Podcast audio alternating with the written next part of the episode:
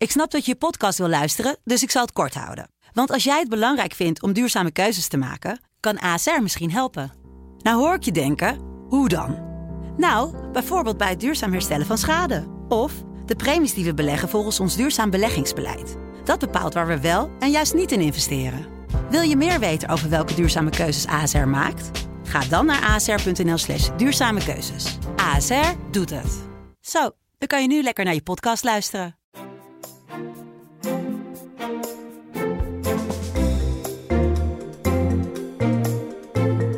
De DFT Podcast met Herman Stam en Martin Visser. Ja, podcast nummer eh, 19 alweer hoorde ik hier eh, net. Eh, met een speciale gast ook in de studio, wat we altijd eh, graag doen. Iemand eh, laten aanschuiven. Dit keer Marlou Visser, onze DFT geldverslaggever. die de hele dag woensdag aanwezig is geweest bij onze eigen koopkrachtdag. Die we hebben georganiseerd met het Nibud. Een idee van Martin Visser om hier eens mensen uit te nodigen en te kijken van hoe zien die huishoudboekjes eruit.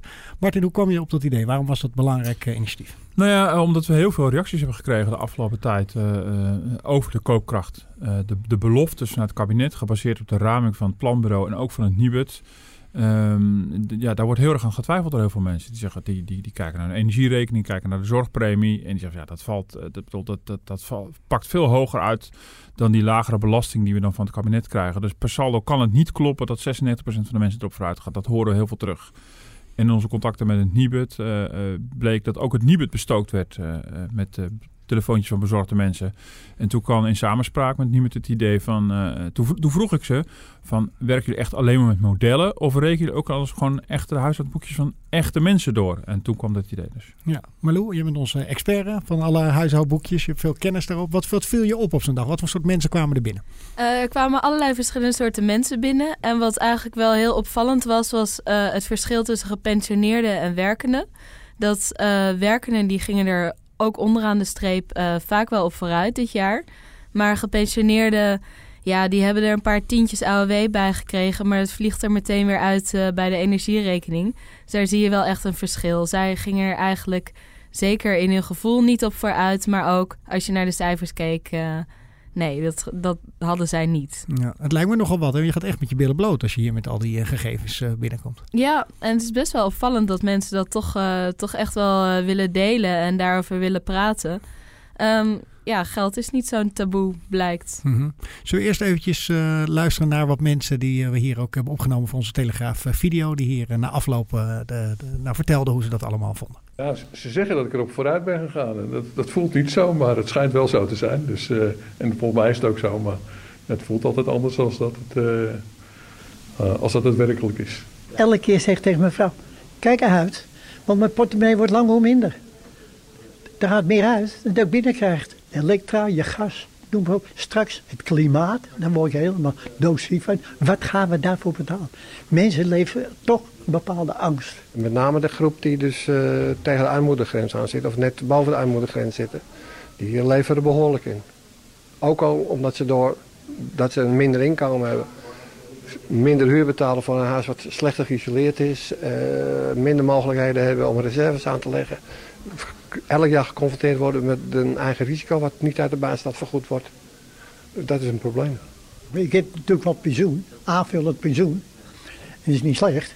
Maar als ik alles bij elkaar, heb ik ook gezegd, als ik alles bij elkaar optel, dan kom ik elke maand 50 euro tekort. Ja, verschillende conclusies eh, die langskomen, die we straks allemaal gaan behandelen hopelijk. Eh, ik hoor één ding bijvoorbeeld, eh, een meneer- die zegt, met name de mensen die vlak boven de armoedegrens zitten, die worden extra hard getroffen. Is dat een conclusie die je kan delen na zo'n dag? Nou ja, dat, dat, kregen we wel, dat kregen we ook wel terug. Er was ook een, een meneer die zelf ook weer financieel advies gaf aan mensen bijvoorbeeld met alleen AOW. Dus die echt een heel minimaal inkomen hebben. En hij, hij trof heel vaak aan dat mensen al met moeite rond konden komen. En als dan de energierekening ook met een paar honderd euro per jaar omhoog gaat. Ja, dat die mensen echt niet in de plus eh, eindigen. En daar zit denk ik ook wel het falen van al die modellen. Dat ze onvoldoende rekening houden met hoe bepaalde gestegen uitgaven dit jaar eh, neerslaan bij bepaalde categorieën mensen. Mhm. Ja, Marlou, wat was jouw eh, observatie daarin? Ja, dat is ook echt wel iets wat je ziet. Want die energierekening die gaat eh, voor gemiddelde Nederlanders met ongeveer 30 euro per maand... eh, wordt die hoger dit jaar. Maar eh, bijvoorbeeld AOW'ers, die zijn een groot deel van de dag thuis. Dus bij hen, eh zij gebruiken veel meer energie We hadden ook een jongen van 24 ehm, die zegt: Ja, ik heb de hele winter de kachel nog niet aangehad. Want mijn buren stoken het wel warm. En wanneer ben ik nou thuis?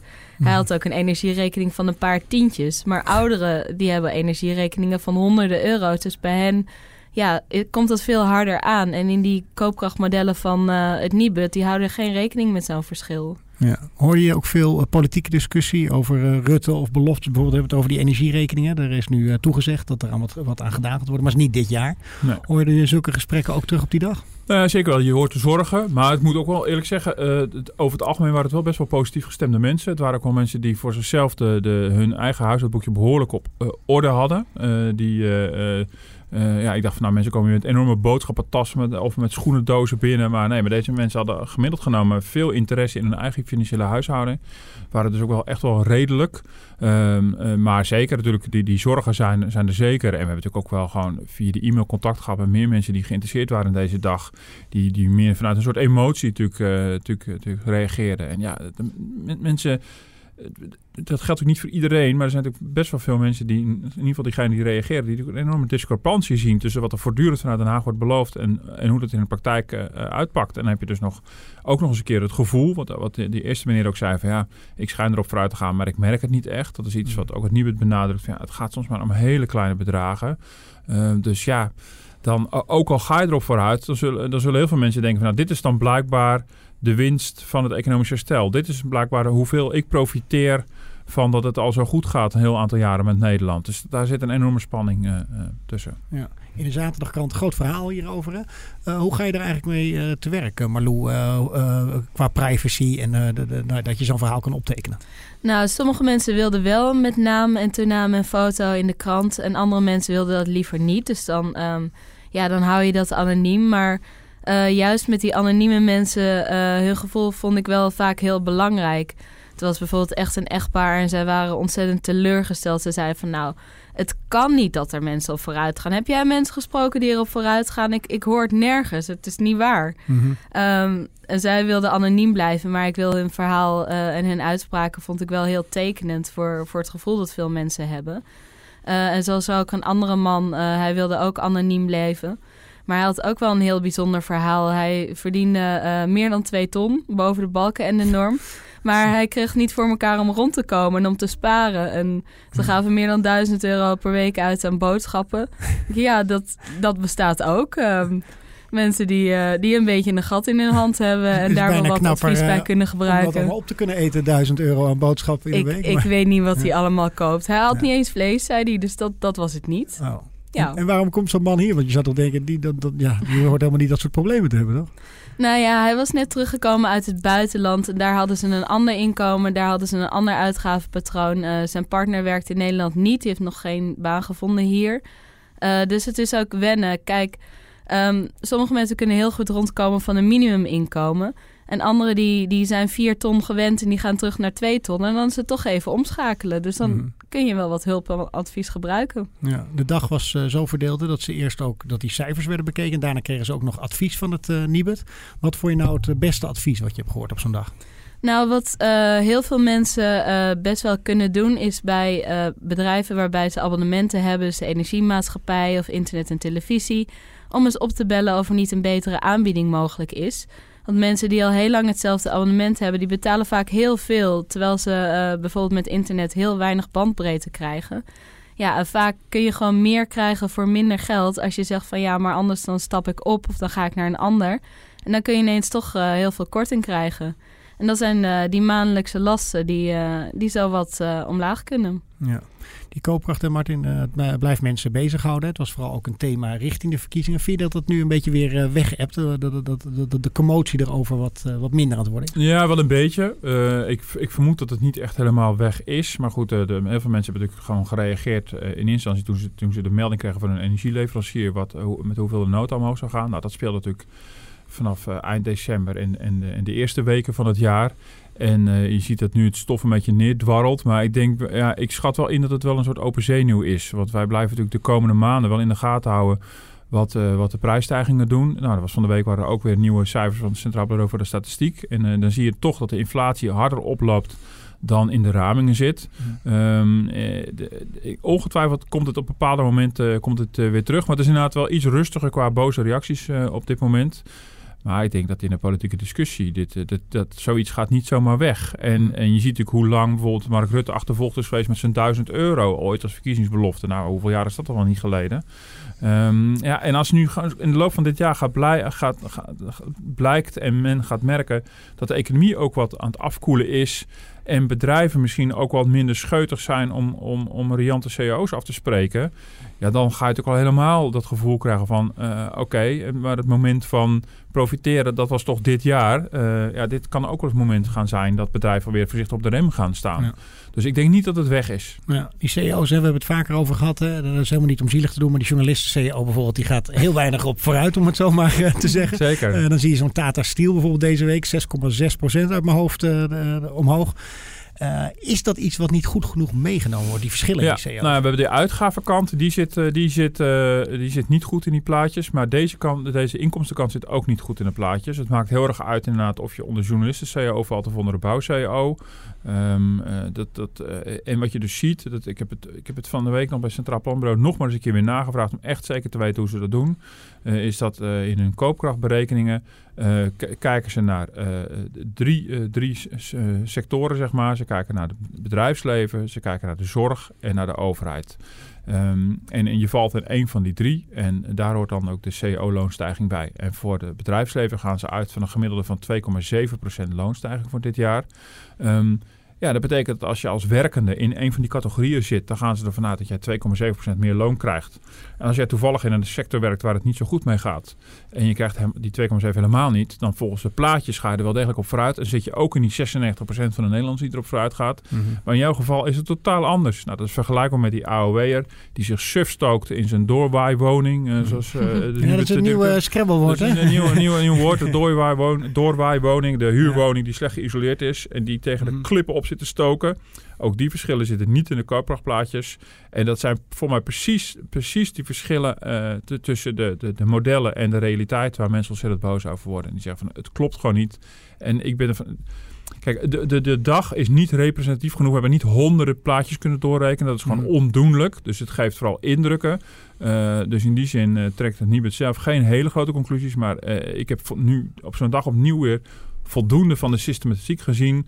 Om wel te, te durven stellen dat 96% gaat over uit. Die claim kan je gewoon echt niet waarmaken. Dat, Mhm. Daarvoor zijn de verschillen bij uitgaven en bij CO-lonen echt gewoon veel te groot. Ja, gaan we zo nog even verder op Ja. in.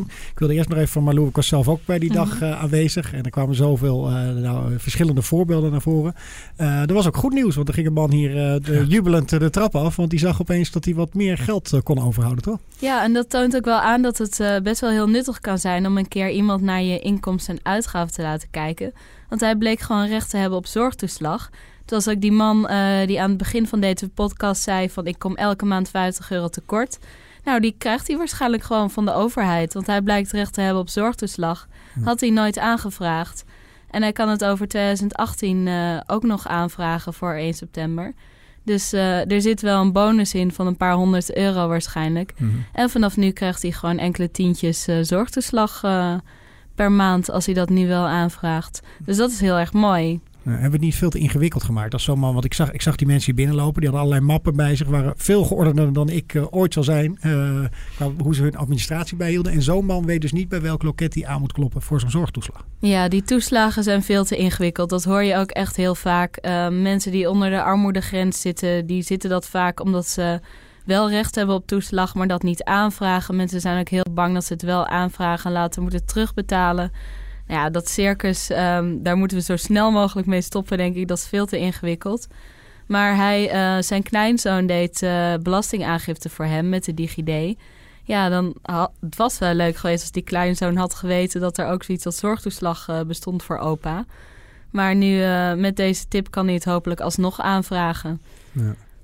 Is het, een, eh, is het ook een tip voor mensen in de politiek om een keer zo'n dag eh, mee te maken? Zo Nou, misschien ook- Hoekstra hier een keer bij moeten Nou, zitten. misschien ook wel. Dat was voor mij ook, eh, ook vanuit het Nibud een reden om dat te doen. Want ja, wat ik zeg, het was niet representatief. Maar zij vonden het ook wel goed om eens even uit die modellenwereld te stappen. En met echte mensen te praten, om het maar zo te zeggen. Uh, ik denk dat het heel nuttig kan zijn. Dit was een, inderdaad van die, van die toeslag was een prachtig voorbeeld. Het ging in twee sessies. Eerst de rekenaars van de modellen gingen op basis van de modellen uh, de huishouden door, uh, door akkeren van iemand financiële huishouden. En daarna gingen ze naar de budgetadviseurs.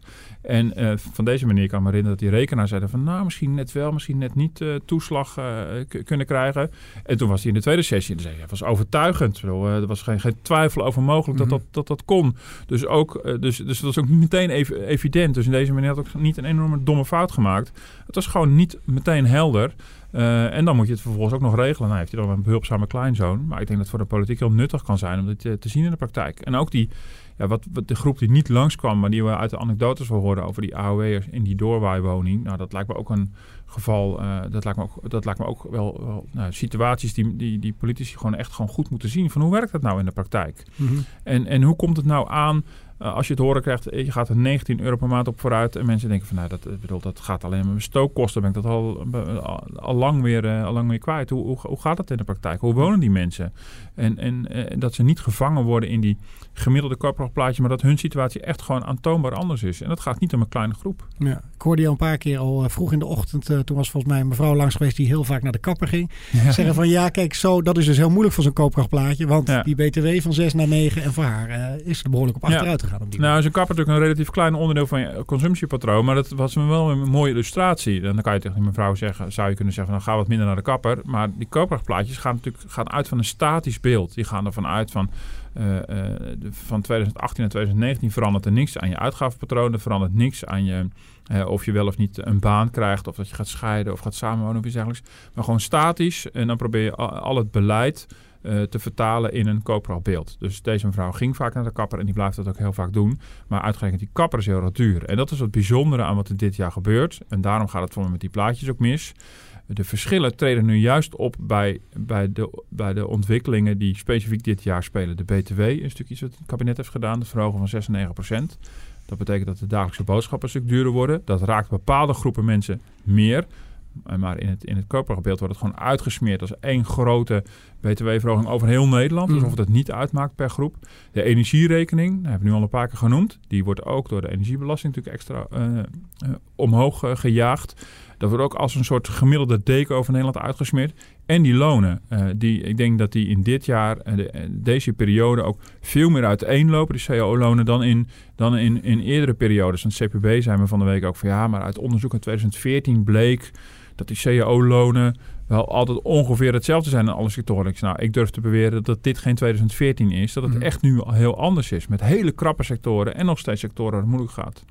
Dus ik denk dat misschien bij uitstek met de economische situatie van nu en be beleidsmaatregelen van nu we er tegenaan lopen, dat die koopkrachtplaatjes op, op die vlakken gewoon echt gewoon niet kloppen. Ja.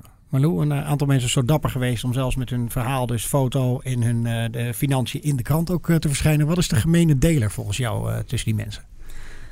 Um, de mensen die, die hun gegevens wilden delen, die waren sowieso wel bovengemiddeld financieel bewust. Die hadden hele mooie Excel-bestanden en die houden alles netjes bij. En die weten vaak ook wel heel goed waar ze wat op kunnen besparen en waar hun geld naartoe gaat. Dus dat is wel, dat is wel een gemene deler. En ja, wat je, wat je ziet bij de gepensioneerden, ze gaan er in AOW een beetje op vooruit. Maar alle andere dingen worden duurder, dus onderaan de streep eigenlijk niet. En de werkenden, uh, die hebben onderaan de streep wel een keurige plus van 1 of 1,5 procent. Mm -hmm.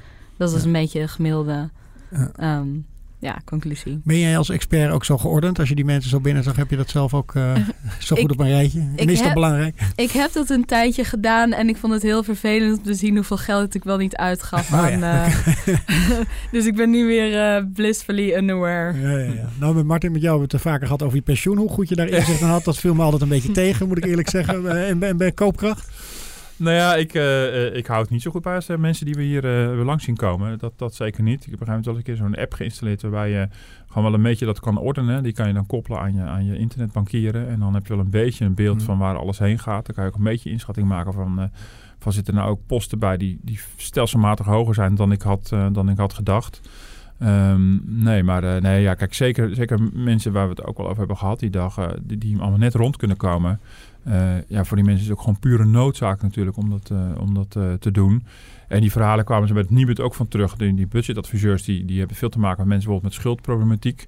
En mensen die dan eenmaal erin geslaagd zijn om uit de schulden te komen, dat vertelden ze ook, die maken er soms echt een sport van om, om heel bewust daarmee om te gaan. Want ja, omdat ze natuurlijk willen voorkomen om nog een keer in een situatie terecht te komen. Ja, als, als je, als je een, een vaste baan hebt en, uh, je, hebt een, je hebt een fijn inkomen, dan is het ook wat minder, minder noodzaak toe. Maar ik moet wel heel eerlijk zeggen, um, er kwamen wel voorbeelden voorbij van mensen met, uh, met heel dure uh, televisie, televisieabonnementen. Dacht van oei, misschien moet ik zelf ook maar eens even kijken ja. hoeveel ik daaraan uitgeef. Uh, want volgens mij zijn er hele simpele besparingen en sta je er helemaal niet bij stil. Puur uit gemakzucht. Gewoon omdat ja. je gewoon te lui bent om om het te doen. Dus ik uh, geef het ogenblikkelijk uh, toe. Ik had ook zoiets erbij van hoe durven ze nog zulke prijzen te vragen voor sommige televisieabonnementen. Ja, er kwam een voorbeeld van... voorbij, niet van iemand die hier was, maar de, een van die mensen van Nibud had het over dat ze in de praktijk wel eens iemand waren tegengekomen die 186 euro voor een televisieabonnement uitgaf. Dat zal wel inclusief telefoon en zo zijn, mag ik dan mm -hmm. hopen. En dan kan het dus gebeuren dat die mensen in de veronderstelling leven dat iedereen zoveel, zoveel betaalt. Ja. Nou, bij mij gaat er wel een belletje rinken bij 186 euro. Ik durf wel te beweren dat ik dat niet per maand betaal. Mm -hmm. Um, ja, nou dat zijn, dan, dat zijn dan toch de voorbeelden uh, ja. die dan komen. En dan is het natuurlijk ja, is het heel snel verdiend als je er gewoon even omzet in een ander abonnement. Ik ken ja. ook wel mensen die gewoon ieder jaar gewoon even weer shoppen en dan weer overstappen op een nieuwe abonnementen. Daar zijn wel, uh, uh, ook voor mensen die niet krap zitten, uh, is het natuurlijk gewoon heel logisch om daar even naar te kijken. Want waarom zou je dat betalen? Waarom? Ja, ja. Nou, ik weet dat jij heel merkloyaal bent, maar Marloes is volgens mij een, een, geregelde overstapper. ik, ik ben een overstapper, ja. ja zodra, het, zodra het kan, dan ga ik naar een nieuw bedrijf. En eigenlijk wordt de service die je krijgt elk jaar beter. En je betaalt minder, zeker met internet en televisie. Ik had eerst een budgetabonnement en ik had maar 30 televisiezenders.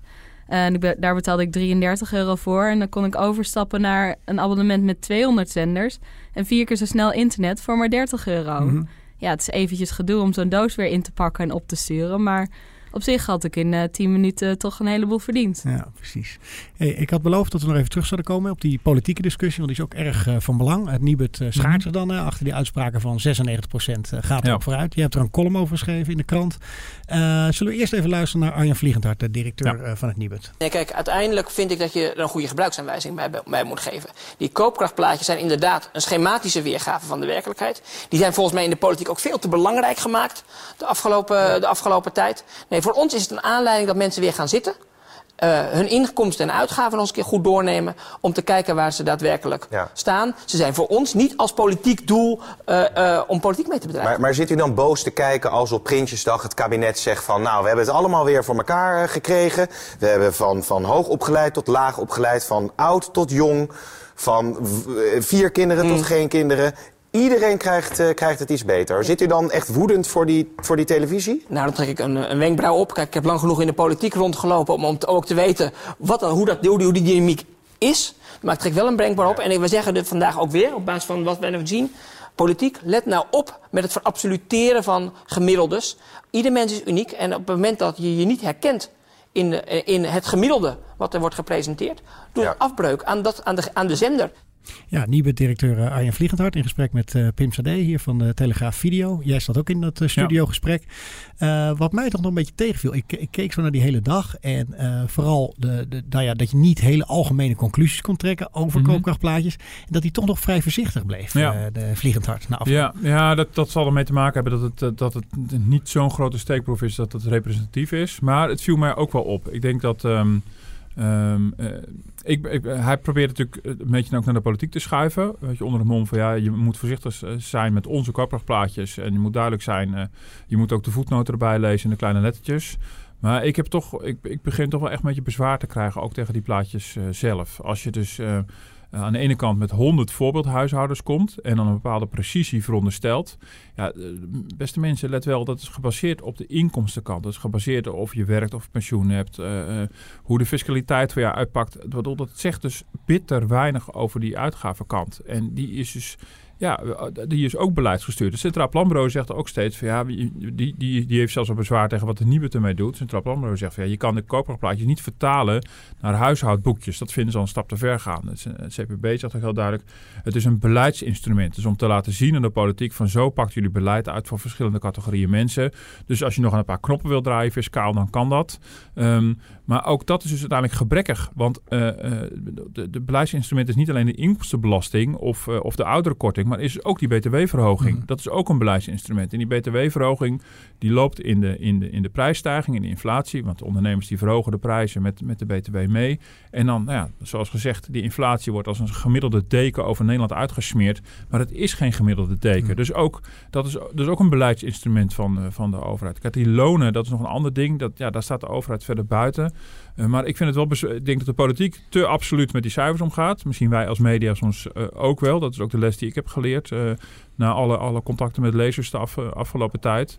Maar ik vraag me ook echt, echt met reden af of je wel beweringen kan doen over 96% van Nederland gaat erop vooruit. Ik, ik denk dat dat niet kan. Vind je dat we ermee moeten stoppen met dat soort uitspraken? Nou ja, Nederland heeft natuurlijk sowieso al een enorme fixatie op koopkrachtplaatjes. Uh, dat, is, uh, uh, ja, dat is typisch Nederlands, dat is in andere landen niet zo. Het mooie is natuurlijk wel dat je natuurlijk wel echt de politiek dwingt om duidelijkheid te geven over wat de impact is van bepaalde kabinetsmaatregelen. Maar je moet op een manier moeten met elkaar los zien te komen van die, van die schijnprecisie. ja, maar tegelijkertijd, uh, mensen willen wel weten waar ze aan toe zijn. En dan gaan wij op andere manieren verzamelen hoe de huishoudboekjes eruit zien. Want feit blijft, hoe je het ook presenteert, mensen rekenen wel op dat ze dit jaar op vooruit gaan. Want ze vinden mhm. dat ze na zoveel jaar uh, achteruitgang daar recht op hebben. Uh, en daar is toch iets voor. En dat wil je op een manier vangen. Ja, en de politiek gaat natuurlijk net zo lang aan die knopjes zitten draaien tot het CPB precies de gewenste uitkomst heeft. Want 96% erop vooruit is natuurlijk krankzinnig veel. En je ziet al die deelcategorieën die zitten ook allemaal ruim boven de 90% erop vooruit. Daar, is daar wordt op een gegeven moment op gestuurd. En dat is natuurlijk ook het dilemma waar, waar zo'n Centraal Planbureau mee zit. Die weet natuurlijk, van, ja, ze gaan bij het ministerie net zo lang zitten tweaken... tot die cijfertjes precies zo, zo uitpakken. En ja, nou, dan heeft niemand het meer over, over alle, alle voetnoten en kleine lettertjes... die er eigenlijk allemaal bij horen. En dat is echt wel problematisch. En gelukkig krijgen wij de ruimte om daar heel veel over te schrijven. En, uh, en, en, en, terecht lijkt me. Ja, 96 procent uh, van de mensen erop vooruit. Even een hele kleine steekproef hier in de studio. Marlou, heb jij dat ook uh, gevoeld? Nee, ik denk ongeveer de helft van de bezoekers. Mm -hmm. De helft erop vooruit, de helft erop achteruit. En vooral de gepensioneerden en de AOW'ers... Um, ja, achteruit of stilstand op zijn best. Mm -hmm. En bij jezelf? ik ben er wel iets op vooruit gegaan, ja. ja. Herken je dat ook, uh, Martin? Ja, nee, kijk, als je, als je uh, uh, werkt, dan is de kans heel groot dat je erop vooruit mm. bent gegaan. Ook als we, nou ja, we hadden het over de journalisten CEO. Ook bij, ook bij die CEO. Alleen ja, weet je, dat, dat zegt het niet ook steeds. Het houdt ook niet over. Kijk, voor mensen op een minimuminkomen is een paar tientjes echt heel veel. Maar voor heel veel mensen is het relatief weinig. En, en valt het ook weg tegen de klappen van de afgelopen, afgelopen jaren. Ja. Vind je het voor herhaling vatbaar? Wordt het een jaarlijks evenement op deze manier? Malou? Ik vond het wel voor herhaling vatbaar. Ja, ik denk dat het ook... Uh, mensen vonden het ook heel prettig om eens uh, over hun koopkracht te kunnen praten met experts en met de krant. En ze vonden het heel fijn om hun verhaal kwijt te kunnen. Dus dat is uh, sowieso heel nuttig. Want het leeft gewoon heel erg. En ja, lezers willen graag dat we hierover schrijven. Ze willen hierover vertellen. Dus ik denk dat we dat vooral uh, ieder jaar moeten doen. Ja, Martin, misschien volgend jaar met de politicus erbij... om ook eens wat uh, inzicht hierin te geven. Nee, zeker. Maar het, bedoel, het, het minste wat je eruit uit ophaalt... is ook voor ons en voor de mensen van het Nibud weer inzicht... en be, beter gevoel voor hoe dingen in, in het werkelijke leven landen... Uh, dat, dat werd ook mooi geïllustreerd, ook met Nibud. Die werken ook met, met rekenaars en met budgetadviseurs. Uh, daar, daar heb ik ook best wel mijn kritische vragen bij. De mensen die uitgaan van de modellen...